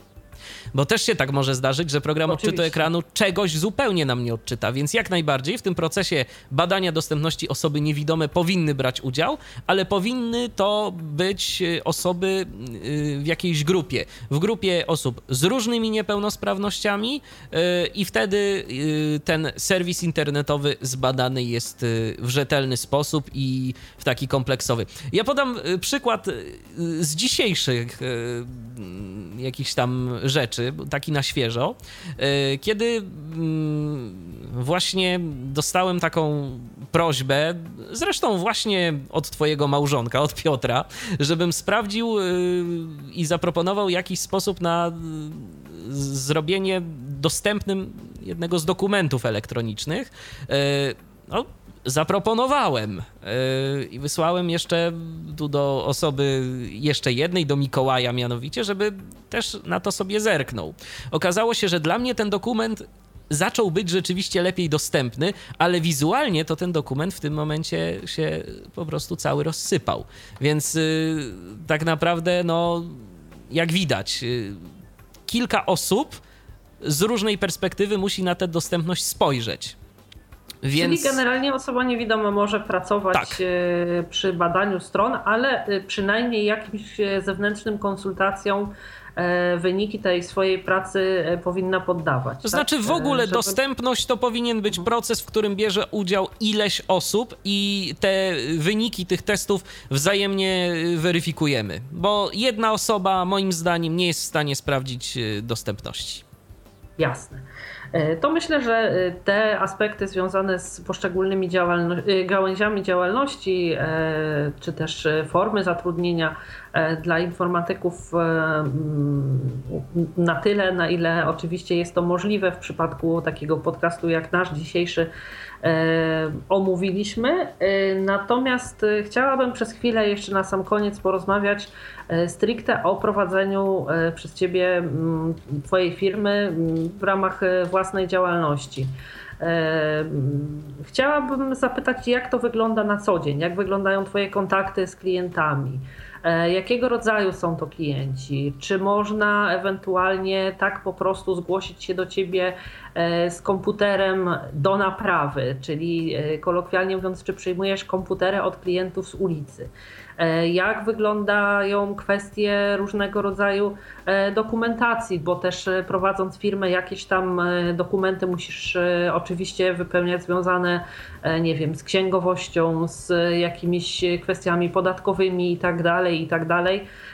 Jak sobie to rozwiązujesz? Chciałabym, żebyś tutaj może ktoś. Aha, ale zanim odpowiesz mi na te pytania, chciałabym poprosić Cię o taką bardzo subiektywną, osobistą opinię.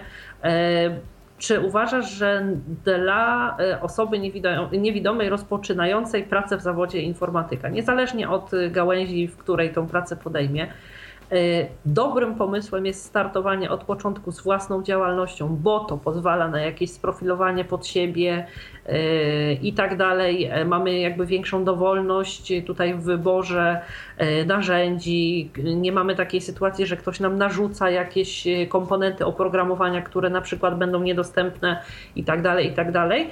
Czy też skłaniałbyś się ku temu, że ten start, ten sam początek Y, będzie y, dla nas y, łatwiejszy, taki bardziej przyjazny, jeśli rozpoczniemy swoją pracę w ramach jakichś etatów albo zleceń. Ja myślę, że to jest bardzo indywidualna kwestia. Ja akurat zaczynałem od własnej działalności gospodarczej, bo w firmie, e, w której miałem, dla której miałem zacząć świadczyć e, usługi, jeżeli chodzi o serwis komputerowy, no to po prostu ustaliliśmy, że tak będzie, że to będzie lepszym rozwiązaniem. E, I rzeczywiście koniec końców wyszło to zdecydowanie na plus.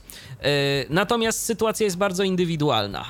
To jest, myślę, że tu każdy musi we własnym zakresie odpowiedzieć sobie na, na pytanie, co będzie dla niego lepsze, co będzie bardziej optymalne, jak się, jak się też czuje, no i jak jest y, z klientami, tak, bo, bo to też y, różnie może być. Y, nie zawsze będziemy mieć taką opcję, żeby tam ci klienci do nas jakoś drzwiami i oknami walili. I dlatego też ja zdecydowanie nastawiam się na współpracę z klientami stałymi w tym momencie tak naprawdę to są dwie firmy i dla tych dwóch firm większość rzeczy robię, bo zdarzają się jakieś takie też y, mniejsze rzeczy, ale w większości to są dwie firmy. I teraz, y, jeżeli chodzi o to, dlaczego w ten sposób, zdarzają mi się zlecenia, zdarzają mi się zapytania y, o jakieś tam rzeczy mm, inne od klientów indywidualnych. Ja bardzo rzadko takie zlecenia przyjmuję z jednej prostej przyczyny. E, bardzo często w obecnych czasach użytkownik prywatny, e, jedynym jego zmartwieniem to jest to, że albo wylała mi się matryca w laptopie, albo, albo pękł mi ekran w telefonie, albo jeszcze tam jakieś inne rzeczy, a niestety, no ja być może gdybym zajmował się tym na co dzień, gdybym miał okazję y, już ileś komputerów takich y, przerobić, i naprawić ileś tam tych matryc albo wymienić ileś tam tych ekranów w telefonie, to może i bym podjął się wtedy takiego zadania, ale dla mnie jest to zbyt mały mm, próg wejścia i zbyt mała ilość y, takich zleceń, żeby się w to bawić, więc zwykle, zwykle tego nie robię. Jeżeli użytkownik ma jakiś taki problem z gatunku tych, z którymi e, wiem, jak sobie poradzić i z którymi jestem zaznajomiony, to jak najbardziej nie ma problemu, y, przyjmuję takie, przyjmuję takie zlecenie. A firmy, no, z którymi współpracuję, no to już wiem, jaka tam jest infrastruktura, czego mogę się spodziewać, jest to stałe y, powszechnie mówi się, że IT w biznesie jest zwykle zapóźnione. I tak jest, i to jest z naszej perspektywy dobrze, bo jeżeli wchodzi coś nowego, my mamy więcej czasu na to, żeby się tego nauczyć i żeby się z tym zaznajomić. Yy, bo nie ma tam tak drastycznych zmian jak na rynku takim yy, konsumenckim, bo tu wchodzi coś zupełnie nowego, od razu no to użytkownik chciałby to mieć, tak? A, tam jest jeszcze czas na wdrażanie. Tak, a tam jest czas na wdrażanie. Yy, więc po prostu tam się to wszystko, te zmiany dokonują się zdecydowanie wolniej, a to dla osoby niewidomej myślę, że jest im plus. No tak, zdecydowanie. E, jest też im plus e, w przypadku takiej współpracy z firmami to, że to jest niejako klient stały, więc oznacza to też stałe źródło dochodu, bo Dokładnie. klienci tacy indywidualni no są to są, a nie ma to nie zarabiasz, tak? A Zgadza momencie, się. A tutaj... masz umowę z jakąś firmą, to tutaj te komputery na bieżąco są podsyłane, czy to do instalacji oprogramowania, czy to do napraw. No, czy, czy po prostu pracownik danej, pracownik danej firmy dzwoni, bo naj, najczęściej to właśnie tak wygląda, że ktoś dzwoni, yy, mówi jaki ma problem, no to w tym momencie identyfikujemy danego użytkownika yy, po jakimś tam, po nazwie komputera, czy, czy, czy po innych danych, no i w tym momencie łączę, łączę się z tym komputerem i diagnozuję i problem jest rozwiązywany. E, to cóż, e, wiemy już, e, jakie tutaj przesłanki były po temu, żeby zdecydować się na taki, na taki mm, profil działalności. Natomiast chciałabym jeszcze dopytać o te sprawy właśnie wszystkie związane z biurokracją i papierologią. Jak tutaj E, bo rozumiem, że też są i jakieś e, formalności w ramach właśnie e, tych serwisów, które świadczysz dla firm i prowadzenie jakiejś tam dokumentacji i tak dalej. Jak ten problem sobie rozwiązać? Szczerze powiedziawszy, to ja staram się od tego trzymać jak najdalej na temat papierkologii. Zwykle całe szczęście udaje mi się to zrzucić jakoś na osoby trzecie, więc, więc jest to tyle dobrego. Ja mogę się spokojnie zajmować swoim działaniem, a jeżeli chodzi o współpracę z firmami, to nie ma tu jakiegoś wielkiego sformalizowania. My znamy się już długo, wiemy co jak y, współpracować i ostatnio miałem nawet taki telefon właśnie od, od, od, jednego z klientów, właśnie proponowałem jakąś tam formę rozliczenia, powiedział mi, no, no a co, no, no mam się nie zgodzić i co, i za jakiś czas przestanie mi to wszystko działać i no i co, i, i wtedy, i wtedy ty się nie zgodzisz. No mówię, no widzisz, no, nie ma to jak współpraca. No tak, zwłaszcza, że w przypadku jak już coś nie działa, szukanie e, nowego wykonawcy, jakiejś właściwie nowego usługodawcy, e, zanim on się wdroży w całą strukturę, w tematykę i będzie mógł na tyle sprawnie operować, żeby to wszystko przywrócić do takiego prawidłowego stanu, to to jest czas, a jak wiadomo dla firm czas to pieniądz. Więc... No i jeszcze jedna rzecz, i jeszcze jedna rzecz, o której myślę, że warto, warto powiedzieć z racji tego, że jestem człowiekiem dla którego trochę doba jest przesunięta w czasie. E, to też jest o tyle dobrze, że jeżeli pojawia się jakiś większy problem, albo trzeba coś zaktualizować, albo trzeba dokonać jakichś większych e, e, działań, to wykonuje te rzeczy przeważnie wieczorem albo w nocy, a rano użytkownik dostaje maszynę, na której już po prostu może działać. A często jest tak, że jeżeli użytkownik pracuje, a często jest tak, że jeżeli coś trzeba zrobić większego, no to zwykle informatycy pracują też od od godziny 8 do 16, no i wykonują te działania w momencie, kiedy, kiedy użytkownik chciałby zająć się jednak inną swoją pracą i... To powoduje przestoje. Tak, i to powoduje przestoje. A my w tym momencie, no ze względu na to, że akurat no ja zbyt szybko nie zasypiam, to yy, działa to tak, że jeżeli jest coś większego do zrobienia, dla mnie nie ma problemu mm, usiąść nad tym wieczorem czy w nocy, zrobić i następnego dnia mm, użytkownik nawet nie ma większej świadomości, że coś tam było robione, bo, bo mu to po prostu działa. Jasne. E, to chciałabym jeszcze na koniec, tak podsumowując e, temat, zapytać, e, mm, jak wygląda na przestrzeni czasu, kiedy wykonujesz tą pracę, kwestia związana z ewentualnymi ograniczeniami. Jakie tutaj rzeczy zmieniały się na plus, jakie zmieniały się na minus i jak ty w perspektywie tych doświadczeń, które już masz, widzisz perspektywy wykonywania swojej pracy w przyszłości? Ja myślę, że będzie coraz lepiej. Naprawdę technologie zmieniły się diametralnie przez e, te 7 lat.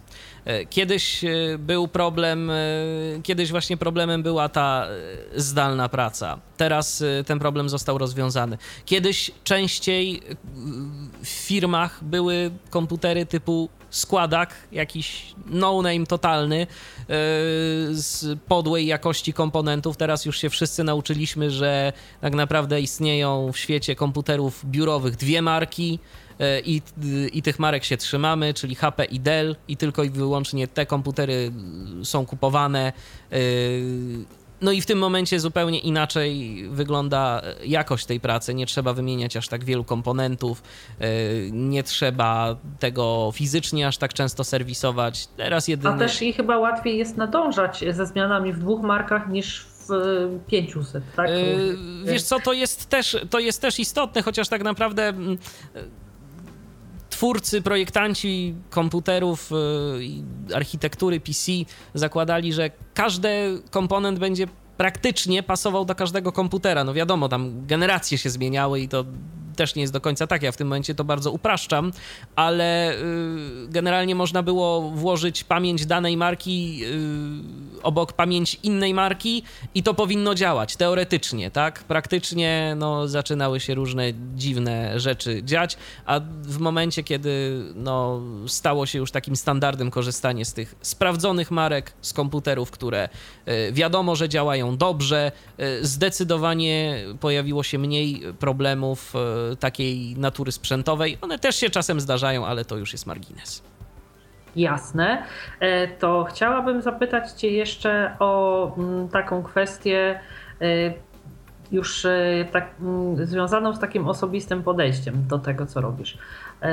Co jest, czy było w Twojej pracy, w takim ogólnym zarysie oczywiście, największym wyzwaniem, które udało Ci się pokonać i z czego dziś, pracując jako informatyk, prowadząc własną działalność, czerpiesz największą satysfakcję?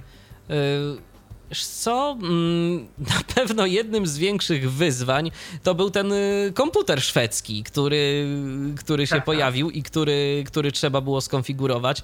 Y, także no, różnego rodzaju y, nauczenie się różnych, różnych systemów, różnych rzeczy bardzo pamięciowo, dzięki czemu naprawdę w momencie czasem jak traciłem dźwięk w komputerze, kiedy, kiedy tego dźwięku nie było, ja byłem w stanie coś zrobić albo sobie ten dźwięk przywrócić.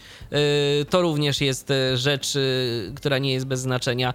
Także myślę, że z tego, że przed pojawieniem się NVIDIA Remote zaprojektowałem sobie taki system już wcześniej pomocy zdalnej. On był mocno skomplikowany, bo instrukcja, którą napisałem dla użytkowników, jak mają sobie to instalować na komputerach, to miała dwie strony. E, ale to działało i e, fakt, że no nie rozpropagowałem tego systemu bardzo mocno, bo to tam na kilkunastu komputerach było postawione, bo, bo po prostu użytkownicy zaprotestowali, że oni to wolą do mnie zadzwonić i ja im ten problem rozwiążę tak, niż tam się bawić przez czytać dwustronicową instrukcję obsługi, ale też to działało całkiem fajnie i to już był też taki początek y, jakiejś tam zdalnej pracy no, w sposób dość egzotyczny, dość, dość nietypowy, ale jeżeli ktoś słuchał Tyflo podcastów, to proponuję sobie powspominać pracy, podcast o wykorzystaniu programu USB Redirector i syntezatora Apollo i bezprzewodowej klawiatury do sterowania zdalnie komputerem. A to tak, rzeczywiście brzmi skomplikowanie.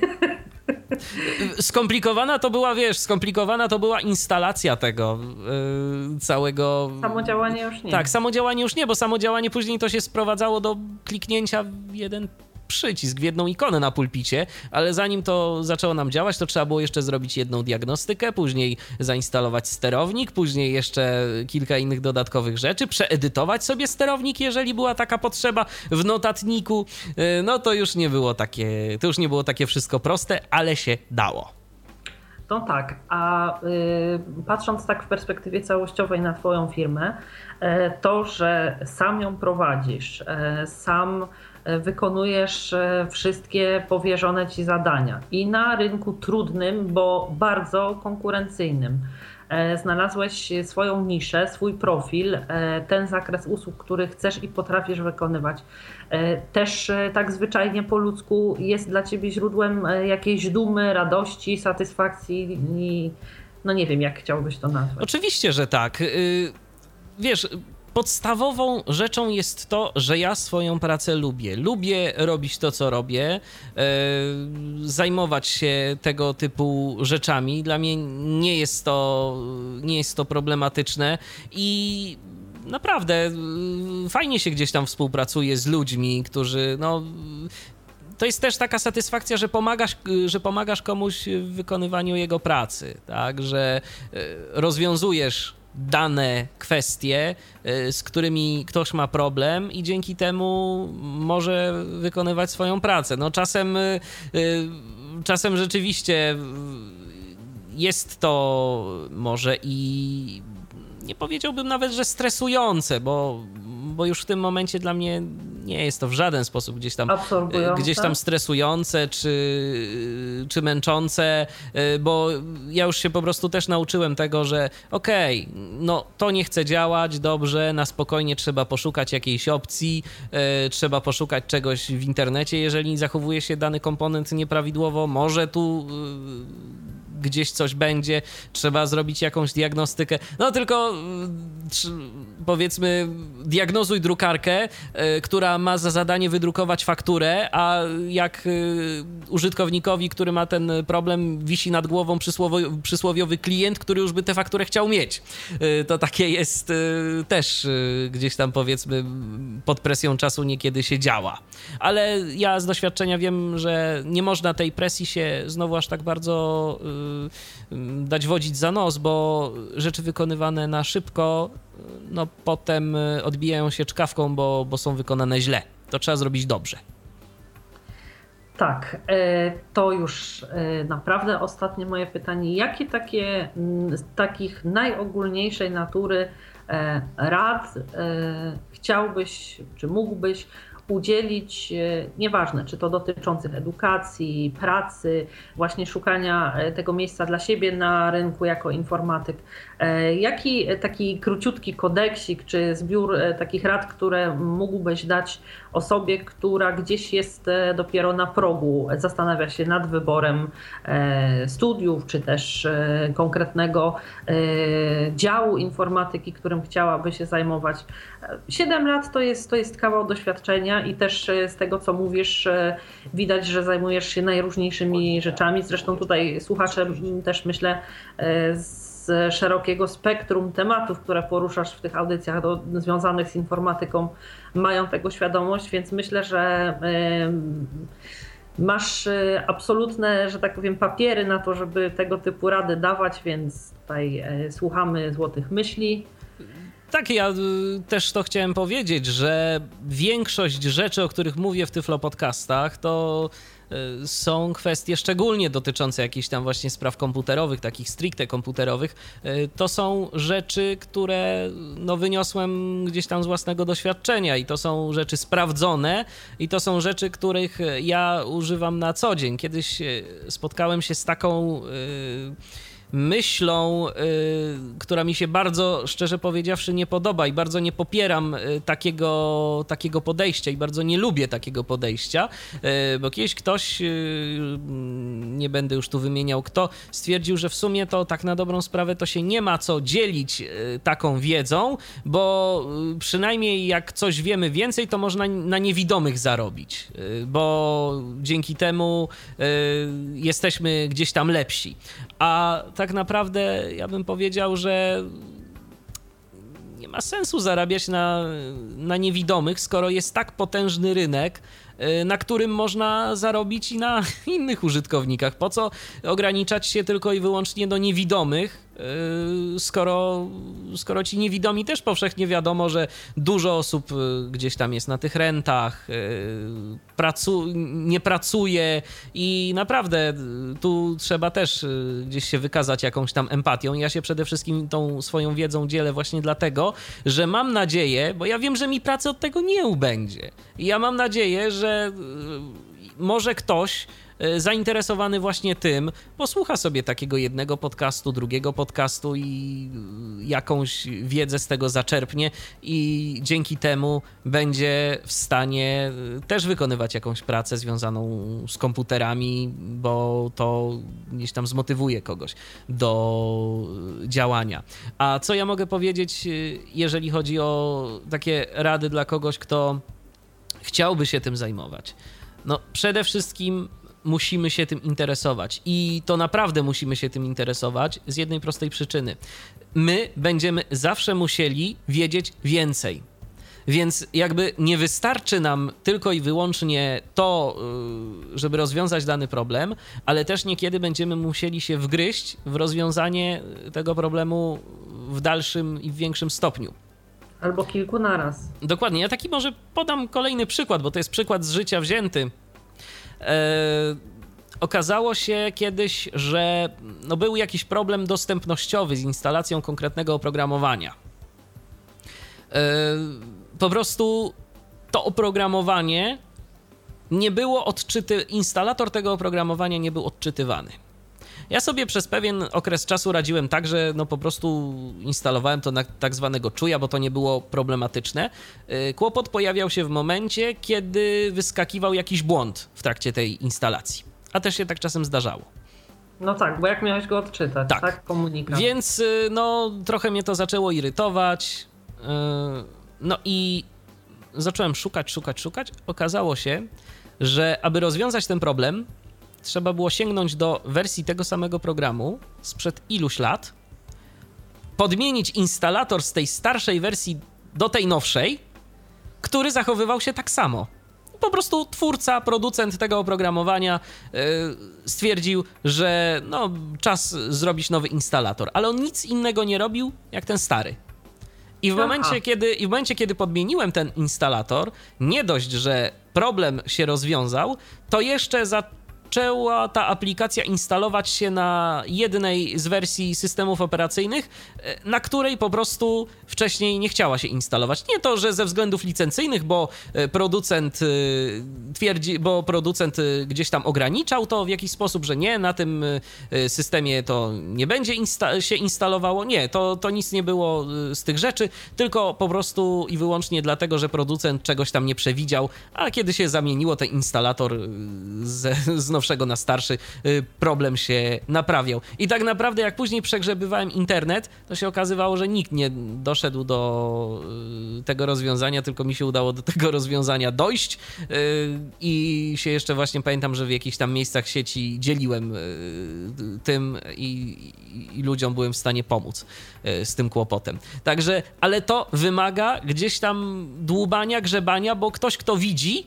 to by mu to nie przeszkadzało, bo on by sobie przeklikał ten next, next, next, o tu jest jakiś błąd, dobra, to ja sobie to przeczytam, co to jest za błąd i jestem w stanie sobie z tym poradzić. Więc trzeba y, jednak więcej czasu poświęcać na różnorakie kwestie, y, jeżeli chodzi o takie y, rozwiązywanie jakichś tam problemów, ale to później procentuje po prostu. Tak, i pewnie trzeba też zacząć zajmować się tym stosunkowo wcześnie bo y, jakkolwiek wszystko by się nie zmieniało, to to, co jest teraz i to, co będzie w przyszłości, zawsze w jakiś sposób e, jest w korelacji w tym, z tym, co było w przeszłości, więc trzeba umieć też znaleźć jakieś powiązania, a czasami też właśnie sposoby, jak ten, o którym mówisz E, jak ten, o którym mówiłeś przed chwilą. Więc... Tak, e, przede wszystkim trzeba, trzeba wykazywać się jakąś taką pomysłowością. E, jak dajmy na to. No, ja swoją przygodę z komputerami zacząłem od szóstego roku życia, tak? Kiedy nie miałem w ogóle mm, programów odczytu ekranu na swoim pierwszym komputerze i też coś tam z niego udało mi się wycisnąć. Więc, więc wszystko jest możliwe tak naprawdę, jeżeli mocno się zaprzemy. Ktoś mógłby powiedzieć, no ale to w zasadzie prawie nic tam nie mogłeś zrobić. No zgadza się, ale to prawie robiło wtedy wielką różnicę dla mnie jako dla sześcioletniego dziecka. Jasne. E, myślę, że też e, tutaj i w zawodzie informatyka, i jak w każdym innym e, kwestią jest nasza determinacja, chęć i taka mm, może trochę gruba skóra, żeby pojedyncze potknięcia, jakieś niewielkie e, porażki nie zaważyły o tym, że ostatecznie zniechęcimy się do podjęcia pracy w tym zawodzie. Oczywiście, że tak, no bo wiadomo, że od razu y, nie zawojujemy świata i nie uda nam się zrobić wszystkiego. Y, to nie jest tak. Jeżeli nasza wiedza nam na to nie pozwala, albo jakieś inne okoliczności, no ale trzeba po prostu próbować, bo nic innego nam nie pozostaje. No chyba tylko tyle, żeby się poddać, ale e, no, to jest, e, uważam, e, bez sensu takie podejście, bo no cóż nam, cóż nam po tym, no, nie osiągniemy, nie uda nam się osiągnąć tak naprawdę niczego wtedy, a tylko zostaniemy gdzieś tam siedząc w domu i nie robiąc nic, a chyba lepiej robić coś niż nic. Jasne. Cóż, tym optymistycznym e, tutaj akcentem e, myślę, że e, skończymy nasz dzisiejszy podcast. Bardzo Michale dziękuję Ci za to, że tak plastycznie, nawet dla mnie, osoby no nie będącej delikatnie mówiąc za pan brat z kwestiami technicznymi, a zwłaszcza do, tymi dotyczącymi informatyki, opowiadałeś o, o swojej pracy, o swojej pasji, bo też jest to Twoja pasja E, bardzo Ci dziękuję, że mm, w taki e, zhumanizowany sposób to zrobiłeś, bo wiesz, e, czasami informatycy o swoich zajęciach opowiadają tak, że zwykły zjadacz chleba ma wrażenie, że mówią po chińsku albo po hebrajsku. A to jest jeszcze inna, to jest jeszcze zupełnie inna sprawa, bo informatycy y, ja zawsze, ja zawsze tak mówię, że y, taki informatyk, który naprawdę mocno gdzieś siedzi w y, tych swoich kwestiach, y, no to on rzeczywiście ma duży problem gdzieś z komunikacją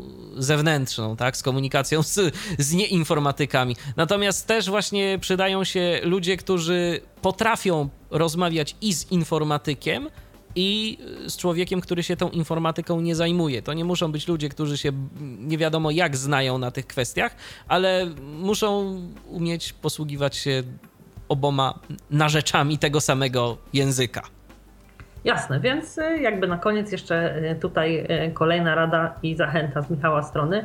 Cóż, ja już dziękuję Michale i Tobie bardzo serdecznie za tutaj wspólny podcast dzisiejszy. Dziękuję również Państwu za uwagę. Mam nadzieję, że mm, nasza dzisiejsza audycja była dla Państwa dobrą, cenną wskazówką, przynajmniej dla tych z naszych słuchaczy, którzy ewentualnie rozważają podjęcie pracy w zawodzie informatyka. E, cóż, e, życzę e, powodzenia oczywiście i zapraszam do słuchania kolejnych przygotowywanych przez nas Tyflo podcastów. Kłaniam się. Do usłyszenia. Ala Witek. Ja również dziękuję za uwagę. Do usłyszenia.